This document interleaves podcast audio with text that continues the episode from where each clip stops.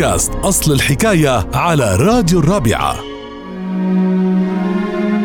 أصل الحكاية لليوم عن قصة مثل بتعود لأحد رجال العرب اللي كان متزوج من سيدة سليطة اللسان كدرت عليه حياته. وبأحد الأيام فاض الكيل بالرجل فخرج من الخيمة صاحيا بيني وبينك ما صنع الحداد.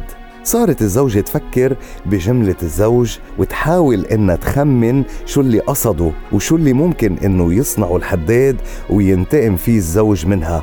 ولكنها قررت بالنهاية الانتظار ليعود الزوج وتعرف قصده. عاد الزوج بلفة داخلها قرص كبير من الحديد ومعه عصا طويلة.